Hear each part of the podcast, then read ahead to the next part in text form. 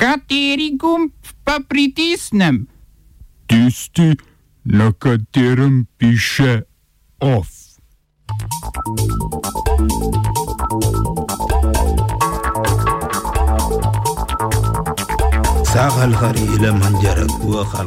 Glavni opozicijski predsedniški kandidat v Kongu umrl na dan volitev. Turčija izstopila iz Istanbulske konvencije. Francoska podružnica IKEA na sodišču zaradi vohunjenja za zaposlenimi. Aleksandra Pivec na čelu nove stranke Naša dežela. V kulturnih novicah poklon pesništvu ob začetku pomladi.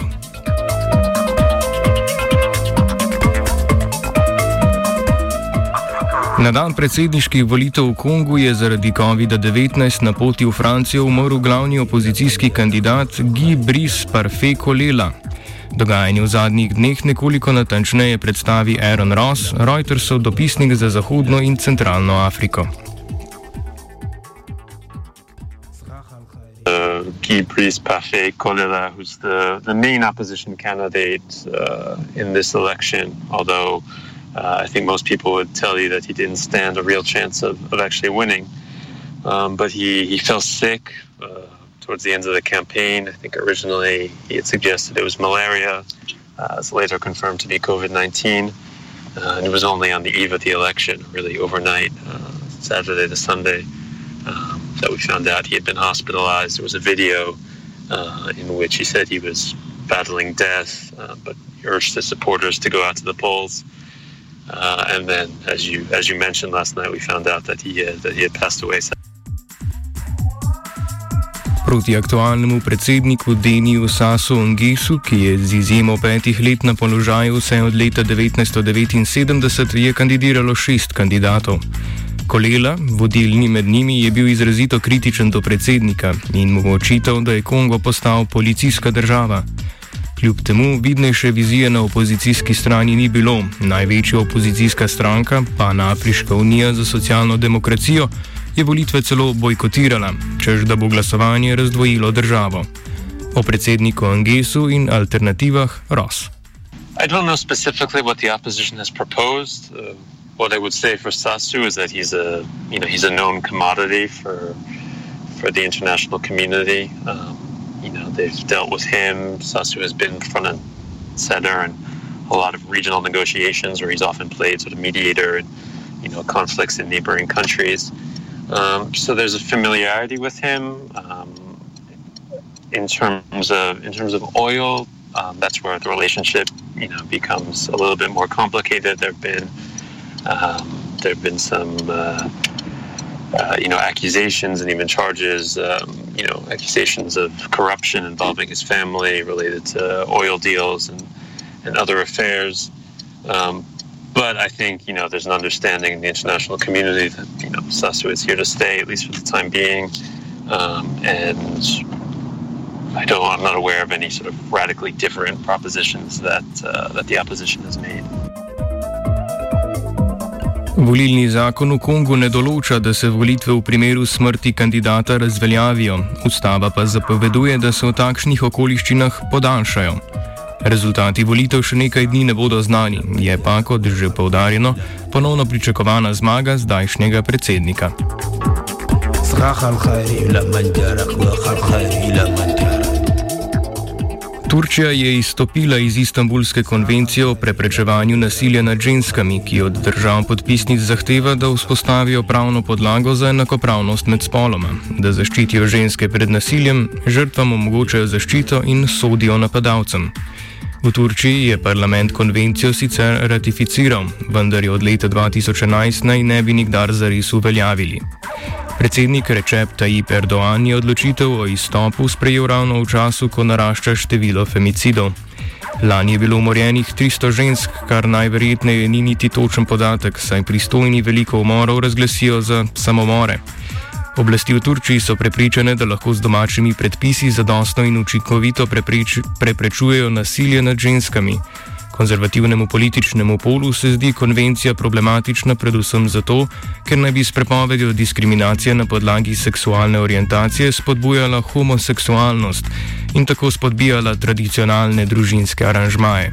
Odločitev je po vsej državi sprožila proteste, na katerih zahtevajo, da predsednik prekliče izstop.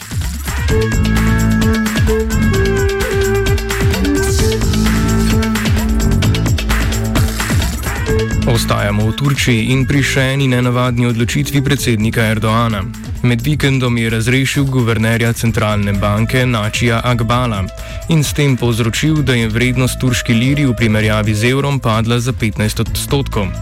Poteza je bila nepričakovana, ker je Akbal veljal za izredno pomembnega akterja pri poskusu stabilizacije inflacije turške lire in je bil na položaj imenovan novembra lani. Da bi dosegla umiritev inflacije in s tem znižanje valutnega tečaja lire, je centralna banka močno dvignila obrestne mere, kar je povzročilo ustavljanje gospodarstva. Padanje vrednosti lire prizadeva predvsem turška podjetja, ki imajo dolgove v ameriških dolarjih in evrih. Erdoan je za novega guvernerja imenoval Šahapa Kavdžoluja, bivšega bankirja in zakonodajalca Erdoanove vladajoče stranke.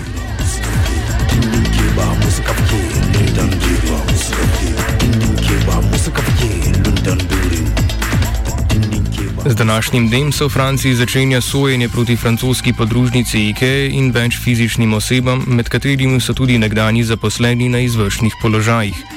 Toživstvo družbi očita vohunjenje tako za zaposlenimi kot za kandidati za zaposlitev, pri čemer naj bi bili upleteni tudi zasebni detektivi in policisti, ki so korporaciji predajali zaupne informacije. Sodišče preizkuje IKEA-ino delovanje med letoma 2009 in 2012, čeprav tožilci menijo, da so se vrhunske prakse začele skoraj desetletje prej. Obtožba vključuje nelegalno zbiranje in prejemanje osebnih podatkov ter kršitev tako imenovane profesionalne zaupnosti, čemu lahko sledi zaporna kazen do deset let. Vodstvo službe je prejemalo informacije o zasebnem življenju zaposlenih, med drugim tudi informacije glede kriminalnih datotek. Do sedaj je podružnica v Franciji odpustila štiri vodilne, vendar lahko pričakuje globo v višini 3,75 milijona evrov. Podjetje IKEA je sicer zaradi davčne optimizacije uradno v lasti neprofitne humanitarne organizacije Inkka Foundation.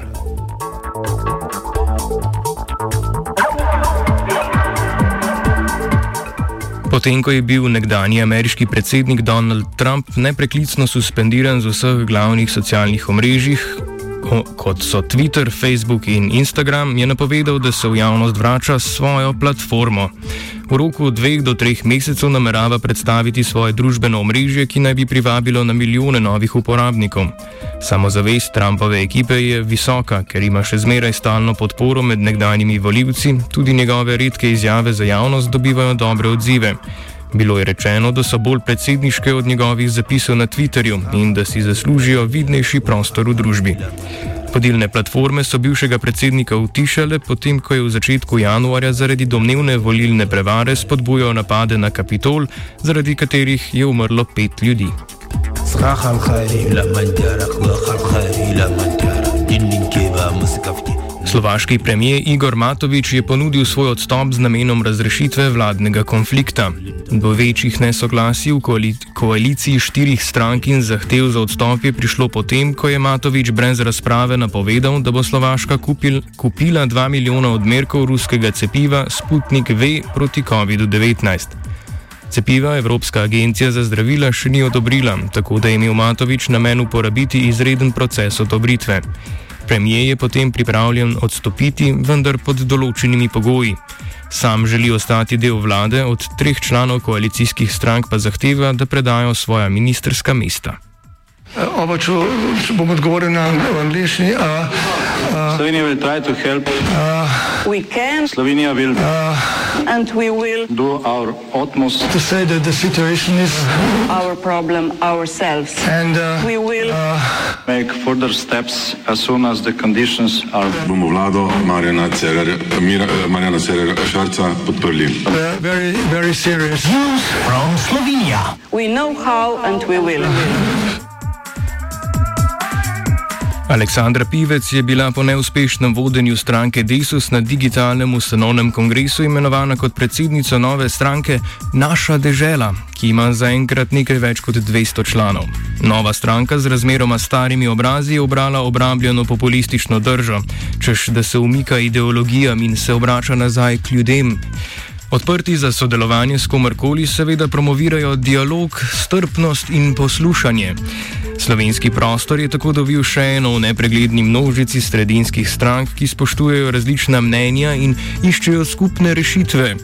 Njihova glavna vizija je reševanje demografskega problema.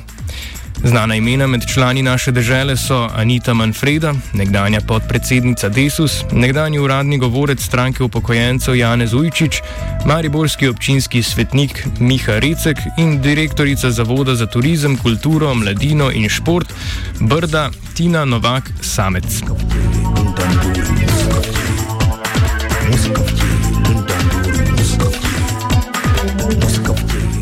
Off je pripravila Aida.